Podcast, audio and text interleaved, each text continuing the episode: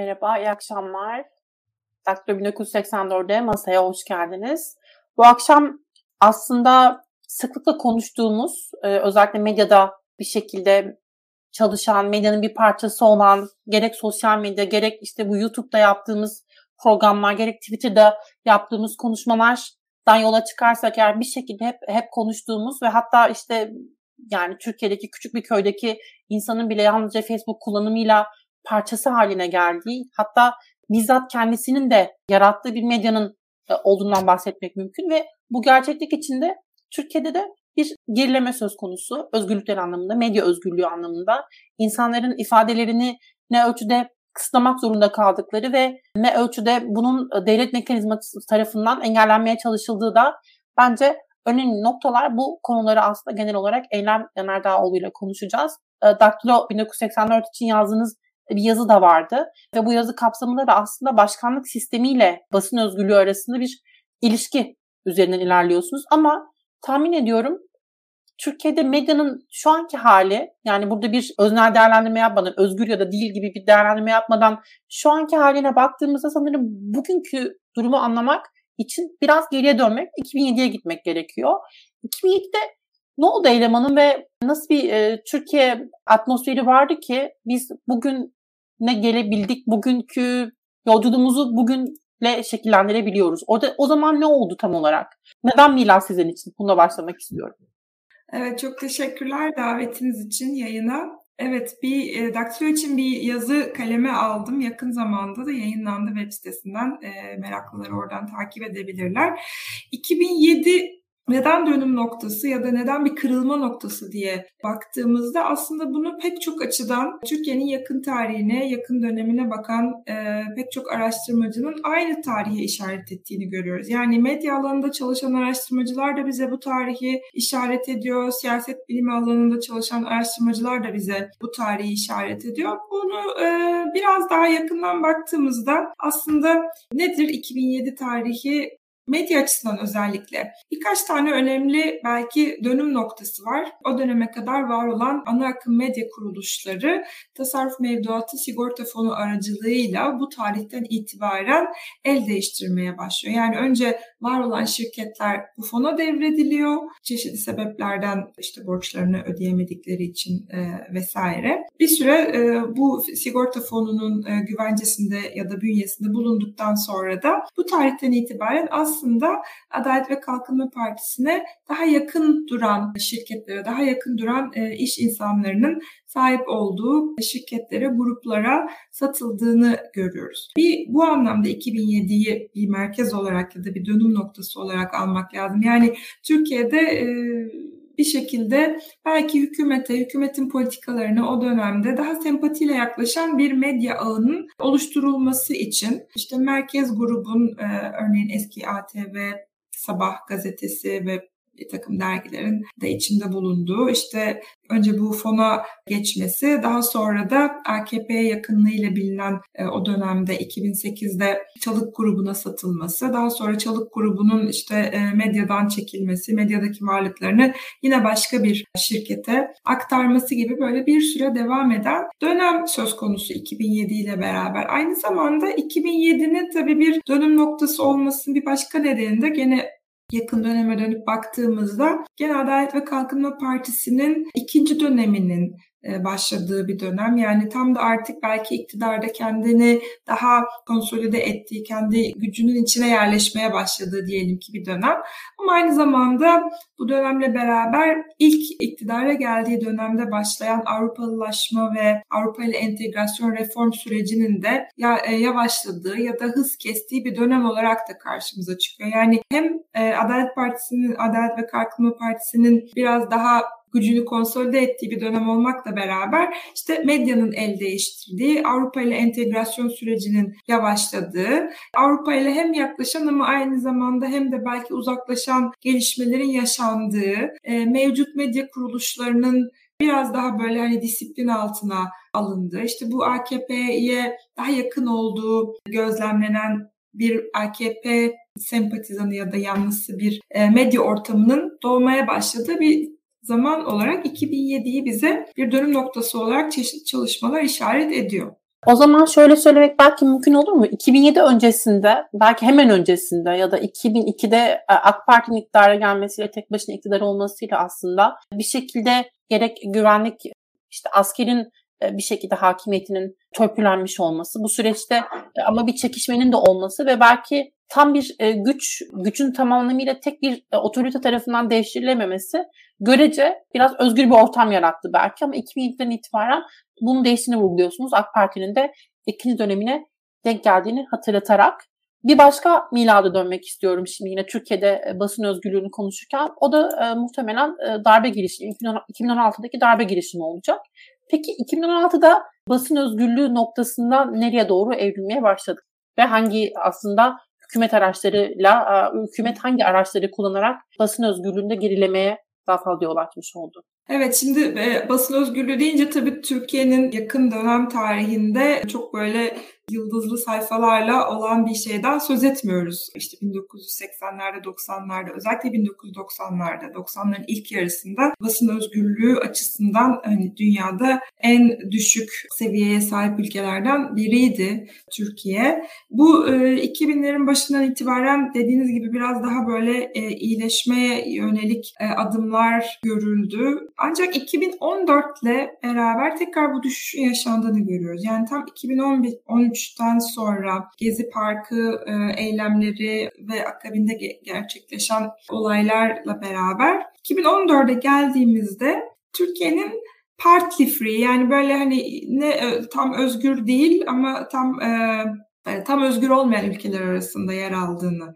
görüyoruz. 2014'ten sonra da bu düşüşün yani çeşitli endeksler var. Her sene basın özgürlüğünü dünyada ülkeleri e, takip ederek bu endeksi belirleyen e, çeşitli kuruluşların yanıldığı raporlarda bunun düzenli bir şekilde Türkiye'nin bu e, endekslerde e, çok alt sıralarda yer almaya başladığını görüyoruz 2014'ten itibaren. Tabii burada 2016'da yaşanan darbe girişiminin de çok büyük etkisi söz konusu. O dönemde hatırlayacaksınızdır e, o kadar uzun bir, uzun uzak bir geçmiş değil. 6 ay içerisinde neredeyse 3 tane kanun hükmünde kararname çıkarılmıştı. Bu kararnamelere dayanarak da işte 150'den fazla medya şirketi kapatıldı. Bu basın özgürlüğüyle ilgilenen kuruluşların yaptığı e, çalışmalardan, araştırmalardan edindiğimiz bilgilere göre 700'den fazla gazetecinin kimlik bilgileri iptal edildi ve bu tarihten sonra yani e, belki işte darbe girişiminden sonraki dönemde de biliyorsunuz Türkiye aslında çok böyle e, türbülanslı e, bir dönemden geçti diyebiliriz. Bir takım işte patlamaların, bir takım saldırıların e, daha yeni Ankara'da meydana gelen olayın yıl dönümüydü. Bundan bir iki gün önce. Bunların yaşandığı çok zor bir dönemdi Türkiye'de ve medya açısından da zor bir dönemdi tabii ki. Böyle bir dönemde sağlıklı bilgi alışın, alışverişini sağlanabilmesi, e, habercilik yapılabilmesi oldukça zor bir döneme işaret ediyordu. Bu dönemde basın özgürlüğü bu dönemle beraber başlayan artık Türkiye'de basın özgürlüğünün gerileme içinde olduğunu hem ulusal hem uluslararası kurumlar, e, bu konuyla ilgilenen kuruluşlar e, kabul ediyorlar. 2016'da e, daha sonra dediğim gibi bu dönemde 2017'de bir anayasa referandumu yaşanıyor. İşte seçimler arka arkaya hem Haziran'da seçimler hem Kasım'da seçimler yapılıyor 2018 yılında. Böyle bir oldukça hareketli bir döneme denk geldi. E, siyasal anlamda çok hareketli bir döneme denk geldi. Bu dönemde de medyanın üzerindeki belki e, sıkışmanın biraz daha arttığını söylemek mümkün. Ee, ve sanırım geriye gidiş aslında başkanlık sistemine fiili olarak geçilmesiyle taçlanmış oldu. Bu başkanlık sisteminin evet onun da bir dönüm noktası e, yarattığını e, okuyoruz. Çeşitli çalışmalarda görüyoruz. Ama aslında dediğim gibi bunu, bunu böyle bir hani geriye dönük belki de dönem içerisinde yayılarak gerçekleşen bir süreç olarak okumak lazım. E, bunlar hep birbiriyle ilintili yani işte yapılan seçimler, seçimden sonra AKP'nin ikinci, üçüncü iktidara e, geldiği dönem ve o dönem etrafında yaşanan dediğim gibi olaylar bunu çok e, etkiliyor ama Birinci dönüm noktası 2007 ise e, ikinci dönüm noktasının da 2016 darbe girişimi ve hemen arkasında e, 2017'de e, başkanlık seçimine geçiş olduğunu tespit ediyorlar. Yani burada aslında basın özgürlüğüyle e, bu dönemden sonra bir demokratik gerilemenin çok belirgin hale geldiği söyleniyor Türkiye'de. Yani sadece e, bunu 2007'deki sürece değil ama ilerleyen, devam eden bir e, e, süreç olarak görüyoruz. Yani demokratik bir gerileme, demokratik backsliding dediğimiz bir süreç daha belirgin hale geliyor Türkiye'de. Aslında yani hükümetin medyaya etki etme çabası Türkiye'ye özgü değil. Türkiye'de her ne kadar daha keskin ve daha hızlı şekilde bu noktaya gelmiş olsak da Türkiye'ye özgü olmadığını da kabul etmek lazım. Zaten medyanın nasıl finanse edildiği de her zaman çok konuşulan bir konu nasıl finanse edilmesi gerektiği. Bununla ilgili çeşitli modeller var. Bunu konuşacağım ama belki şu bazı metotlar var. Hem Türkiye'de hem dünyada farklı hükümetlerin e, aslında kendine bir şekilde bunu nasıl ifade etmek gerekir? Medyayı bir şekilde kendine bağımlı hale getirmek, bir şekilde etki etmek için bazı e, tool'ları var, bazı araçları var kullandıkları.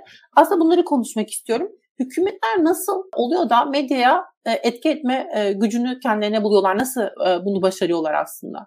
Evet tam da dediğiniz gibi bu demokratik gerileme sadece Türkiye'ye özgü bir problem değil. Yani son 10-15 yıldır özellikle küresel anlamda böyle bir problem oldu. Established democracies dediğimiz yani böyle artık hani kendini ispat etmiş tırnak içerisinde yerleşik demokrasilerde de bu tür problemlerin, e, demokratik gerileme ile ilgili problemlerin görüldüğünü, bunun bir küresel sorun olarak tespit edildiğini biliyoruz. Zaten Freedom House'un 2022 raporuna baktığımızda küresel anlamda özgürlüklerde ve medya özgürlüğünde art arda her yıl yaşanan 15 yıldır düzenli bir şekilde bu düşüşün e, yaşandığı tespit ediliyor. Türkiye'de örneğin 2022 yılında 100 ülke arasında 32. Sıra, sırada özgür olmayan ülkeler arasında yer alıyor. Ama e, dediğim gibi demokratik gerileme hem eski demokrasilerde hem yeni demokrasilerde son 10-15 yıla damgasını vurmuş bir süreç. Belki demokrasilerin yaşadığı en önemli güncel tehditlerden biri olduğu söyleniyor. Burada tabii biraz popülist liderlerin yükselişinin bir sonucu bunun ortaya çıktığını görenler de var.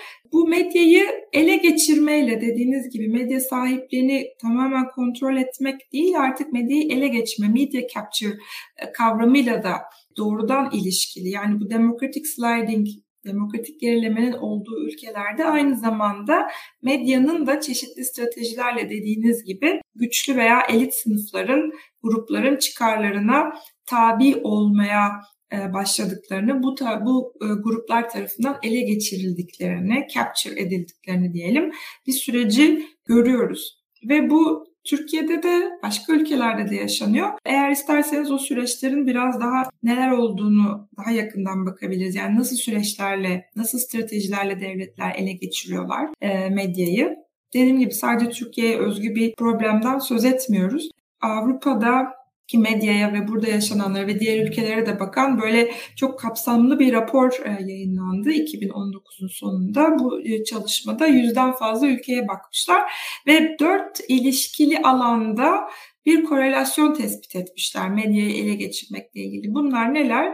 Yani bütün bu ülkelerde görülen benzerliklerden söz ediyorum. Birincisi e, medya alanının düzenlenme şekli yani nasıl medya alanı regüle ediliyor? Regülasyon hangi kurumlar tarafından ne şekilde yapılıyor? E, ikinci yol olarak devlet finansmanı ve burada da genellikle devlet reklamlarının nasıl harcandığı söz konusu devlet finansmanında. Üçüncü bir nokta kamu medyasının kontrolü. Dördüncü bir noktada özel mülk, mülkiyetin kontrolü. Aslında burada en zor olan, en başarılması zor olan özel mülkiyetin devletin kontrolü. Yani medyanın ele geçirilmesi belki kamu kaynaklarını ve kamu kuruluşlarını, kamu medyasını kullanarak biraz daha kolay gerçekleşebiliyor. Ama özel mülkiyetin yani özel medyanın, kamu medyası dışında kalan medyanın ele geçirilmesi biraz daha zor bir süreç özel mülkiyetin kontrolü. Tabii bu mekanizmalar içerisinde e, dediğim gibi bu dört benzerlik bu yüz ülkede e, tespit edilmiş böyle bir ilişki e, olduğu bunların arasında. E, aynı zamanda doğrudan kontrol mekanizmaları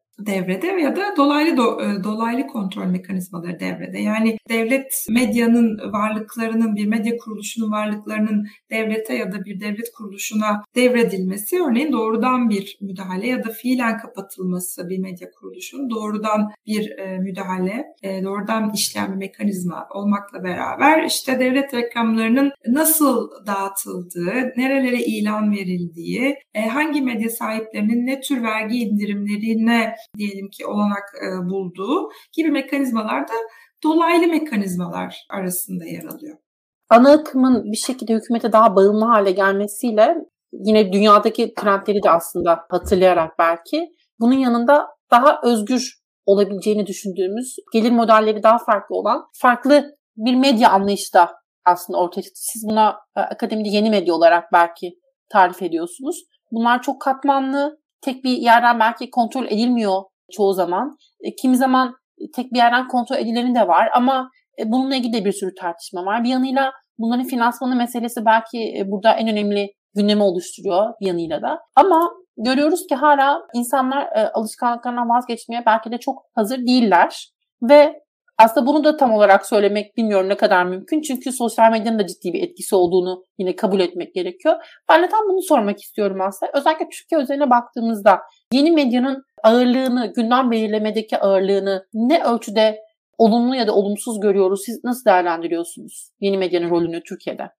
Yani yeni medya dediğimizde biz aslında dijital platformlar, işte web e, siteleri, arama motorları, e, sosyal medya platformları, dijitalde işleyen pek çok yeni olan medya araçlarını e, ve bunların yarattığı ortamı anlıyoruz. E, dediğiniz gibi burada da özellikle dijitalde doğan dediğimiz bir medya türü var. Yani bir diyelim ki geleneksel medya kuruluşunun internet sitesi değil de yani bir hani gazetenin internet sitesi değil de gazete ya da televizyon kanalı olmadan tamamen internet üzerinden yayın yapan, orada doğmuş e, medyalar söz konusu. Özellikle Türkiye'de tabii bu ana akımın e, yaşadığı çöküşle beraber diyelim ki bu internette doğan medyaların aslında e, bilgi, enformasyon ve haber e, akışı açısından çok önemli yere sahip e, oldukları, işte bağımsız medyanın işleyeceği neredeyse tek mecra olarak e, dijital medyanın görüldüğünü görüyoruz. Yani geleneksel medyanın özellikle bu medyayı ele geçirme stratejileriyle biraz daha kontrol altında e, olduğunu ya da belli bir e, sahiplik yapısı içerisinde olduğunu düşündüğümüzde. Tabii dijitalde doğmuş e,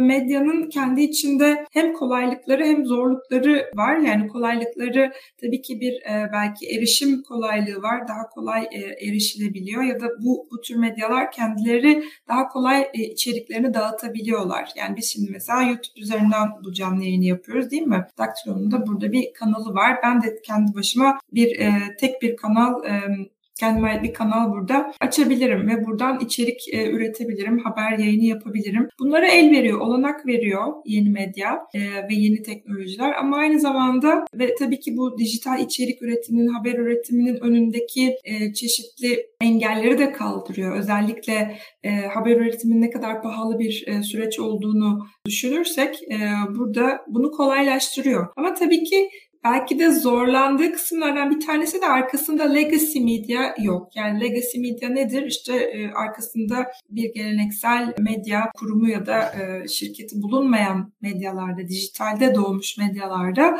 her zaman bir e, sürdürülebilirlik, finansal, finansal açıdan bir sürdürülebilirlik sorusuyla karşı karşıya kalıyorlar. Bu e, yakın dönemde belki medya kuruluşlarının hem geleneksel medya kuruluşlarının hem dijitalde doğmuş ya da yeni medya e, teknolojileriyle yayın yapan medya kuruluşlarının karşı karşıya kaldığı bir soru. Sorun demiyorum bir soru. Çünkü en temel soru gerçekten okuyucu, izleyici neye para veriyor, neye neye abone olacak, neyi neyi destekleyecek bu sorunun cevabı aranıyor. E, bu bir hem bir soru hem bir sorun aynı zamanda. Tabii medya türlerinin ve kuruluşlarının ayakta kalabilmek için desteğe ihtiyacı var.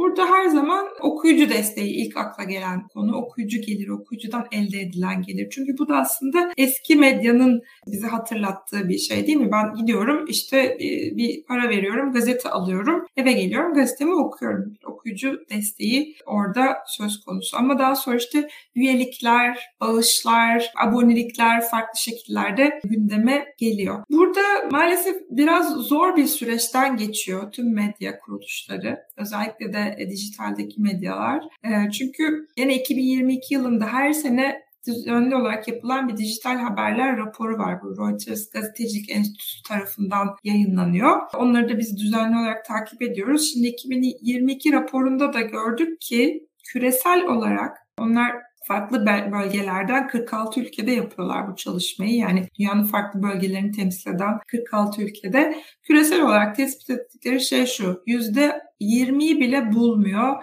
e, habere para veririm, abone olurum diyen okuyucu sayısı küreselde. Türkiye'de de durum farklı değil. E, o yüzden bu en büyük cevap aranan sorulardan bir tanesi. Yani bu kuruluşlar arkasında bir geleneksel medya olmayan kuruluşlar kendilerini nasıl ayakta tutacaklar? Okur neye para verecek, ne, e, neyi destekleyecek? Bu hala bir e, çözülmemiş bir problem olarak duruyor diyeyim. Habere okumak için para vermiyorlar. Ama izlemek için belki veriyorlar çünkü e, özellikle YouTube'da e, yayın yapan yayıncıların özellikle günlük yayın yapan yayıncıların aboneliklerine falan bakıldığında, ücretli aboneliklerine bakıldığında durum aslında o kadar da kötü değil. Bilmiyorum katılır mısınız? Ama yine de bu rakamların yani sadece okuma anlamında değil hani bir, bir yere abone olma anlamında yüzde 20'yi aşmadığını görüyoruz. Tabii bu şey anlamına gelmiyor. Bu hiç değişmeyecek anlamına gelmiyor. Çünkü bir yandan da dijital medyayı takip eden ve geleneksel medyayı takip eden okuyucular, izleyiciler arasında bir jenerasyon farkı da söz konusu. Bu belki ilerleyen dönemlerde değişecek ve belki insanlar daha hazır olacaklar aboneliklere ve dediğiniz gibi bu yayınları destek olmaya. Şimdi demokraside gerilemenin aslında bir trend olduğundan bahsettik. Yani Türkiye'ye özgü olmadığını, farklı ülkelerde de görüldüğünü. Sizin özellikle böyle benzeştirdiğiniz e, ülkeler var mı? Türkiye ile benzer e, süreçleri yaşayan ve işte hem e, demokrasi anlamında gerileyen ve tabii ki bununla bütünleşik basın özgürlüğü anlamında gerileyen ülkeler hangileri sizin için? Ee, şimdi bu rapora baktığımızda e, az önce söylediğim, e, sözünü ettiğim dört stratejinin de Türkiye'de e, uygulandığını görüyoruz. Bu nelerden bahsettim? İşte düzenleme, regülasyon, devlet finansmanı, kamu medyasının kontrolü ve özel mülkiyetin kontrolü. Bu medyanın ele geçirilme stratejilerini yani şimdi Türkçesi biraz belki kulağımıza garip geliyor olabilir ama e, başka bir kavram yerine bunu kullanıyoruz şimdilik. Dört tane bileşen var. Bunların hepsi Türkiye'de görülüyor. İşte Rütük gibi mesela yayıncılığı düzenleyen bir kurum var. Bu kurumlar vasıtasıyla çeşitli cezaların verildiğini görüyoruz. Bunların belki de giderek arttığını gözlemliyoruz son dönemde. E, mecliste de bu konuda bir e, soru e, önergesi verilmişti yakın zamanda. İkinci bileşen e, TRT gibi kamu kuruluşlarının kamu hizmeti yapan e, medyanın kontrolü. Üçüncüsü tabii ki bu e, reklamların nasıl dağıtılması ile ilgili olan konu olduğu için biraz devlet finansmanının kontrolüne giriyor. Burada da basın ilan kurumunun ilanlarını ne şekilde, hangi medya e, organlarına ne şekilde dağıttığı ile ilgili yine son dönemde çok tartışma olduğunu, konunun gündeme getirildiğini gözlemliyoruz. Son olarak da dediğim gibi işte bu tasarruf ve e, mevduat e, sigorta fonuna devredilen medyaların daha sonra satılmasıyla özel mülkiyette de bir devralma şeklinde gerçekleşiyor.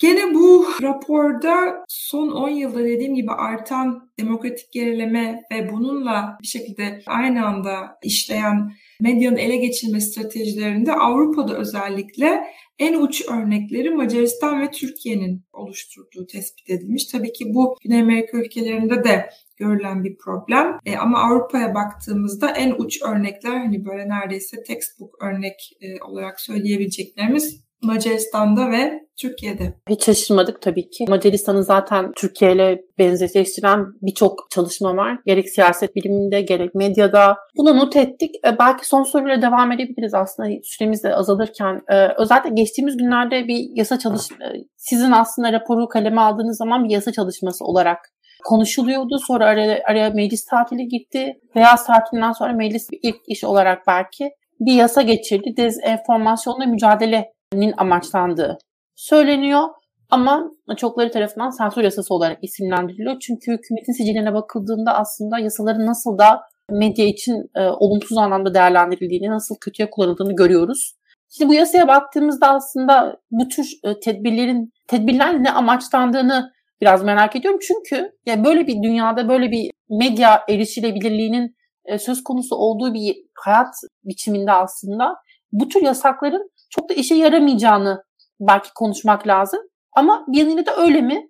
Belki de e, mesele gerçeği o kadar baskılamak değildir ama gerçeği bir süreliğine ortadan kaldırmaktır ya da bir şekilde insanları baskılamanın aslında ve korkutmanın e, bir aracı olarak kullanılabilir. Siz ne söylersiniz bununla ilgili? Evet dediğiniz gibi ben e, raporu kaleme aldığımda daha meclis yeni çalışma yılına başlamamıştı ve başlar başlamaz da işte bu Mayıs ayından beri devam eden bir yasa tasarısı olarak sunulan şeyi görüşmeye başladılar. Bunun tabii biz dezenformasyon yasası diyoruz, zaman zaman sansür yasası e, deniyor ama basın kanunuyla bazı kanunlarda değişiklik yapılmasına dair bir kanun teklifi. Bu kanun teklifi görüşülmeye başlandı. Ee, yaklaşık 30 e, maddesi var. 14 maddesi kabul edildi. Tabii bu tasarının içerisinde yani bu görüşülen maddeler içerisinde sosyal medya ve internet haberciliğine ilişkin yeni düzenlemeler söz konusu. Tam da bu yeni e, gündeme gelen düzenlemeler e, meslek örgütlerinin, uzmanların, e, hukukçuların tepkisini çekiyor. Burada e, dediğiniz gibi neden neden böyle bir dönemde, neden böyle bir düzenlemeye gerek duyulduğu yerinde bir soru. Dediğim gibi meslek örgütlerinden gelen e, eleştirilere belki kulak vermek lazım. Çünkü burada dezenformasyon yasası olarak adlandırılan bu yasada bir kere öncelikle bu kurum ve kuruluşların çok fazla e, yeteri kadar dinlenmediğinin, fikirlerinin e, alınmadığının, alınmadığına dikkat çekildiğini görüyoruz. Yani e, bir şekilde meslek kuruluşları yoktu. E, burada bizim fikrimiz, önerilerimiz dikkate alınmadı diyorlar bu e, mecliste yapılan e, topla, komisyon toplantılarında da bunların çok fazla dinlenmediğine yönelik eleştiriler var meslek örgütlerinden. Şimdi burada tabii ki neden böyle bir dönemde böyle bir yasa ya da böyle bir düzenleme yapılıyor bu yasaya? Herhalde seçimlere çok yakın bir dönemde olmamızdan kaynaklandığını söylersek yanlış söylemeyeceğiz. Seçim öncesi haber akışı, gazetecilerin neyi haber yapabilmeleri, yurttaşların haberlere erişimi, haberlerin serbest dolaşımı e, ve toplumsal muhalefetin ne kadar bu haberlerin içerisinde e, yer aldığı, kendisine yer bulduğu, ses bulduğu önemli bir soru. E, burada özellikle dijital medyanın ve sosyal medyanın Türkiye'de son yıllarda belki toplumsal muhalefeti yansıtma anlamında bir oynadığı rolü göz önünde bulunduracak olursak böyle bir dönemde internet e, yayıncılığına ve internet içeriklerine bu tür bir düzenlemenin yapılmaya çalışılmasına belki de şaşırmamak gerekiyor. Tam da aslında bu az önce konuştuklarımızla da çok bağlantılı olduğunu düşünüyorum. Çünkü tam da bu medyayı ele geçirme stratejilerinin ülkelerde, bunun görüldüğü ülkelerde özellikle seçim dönemlerinden hemen önce çok sıklıkla başvurulan bir strateji olduğu gözlemlenmiş. Ben biraz da bu kanun tasarısının, bu teklifin görüşülmesini bu çerçeveden bakıyorum. Çok teşekkürler Eylem Hanım. Değerli yorumlarınız için, zaman ayırdığınız için. İzleyen herkese de çok teşekkür etmiş olalım. Herkese iyi akşamlar diliyorum. Önümüzdeki günlerde görüşmek üzere. Ben teşekkür ederim. Tekrar görüşmek üzere.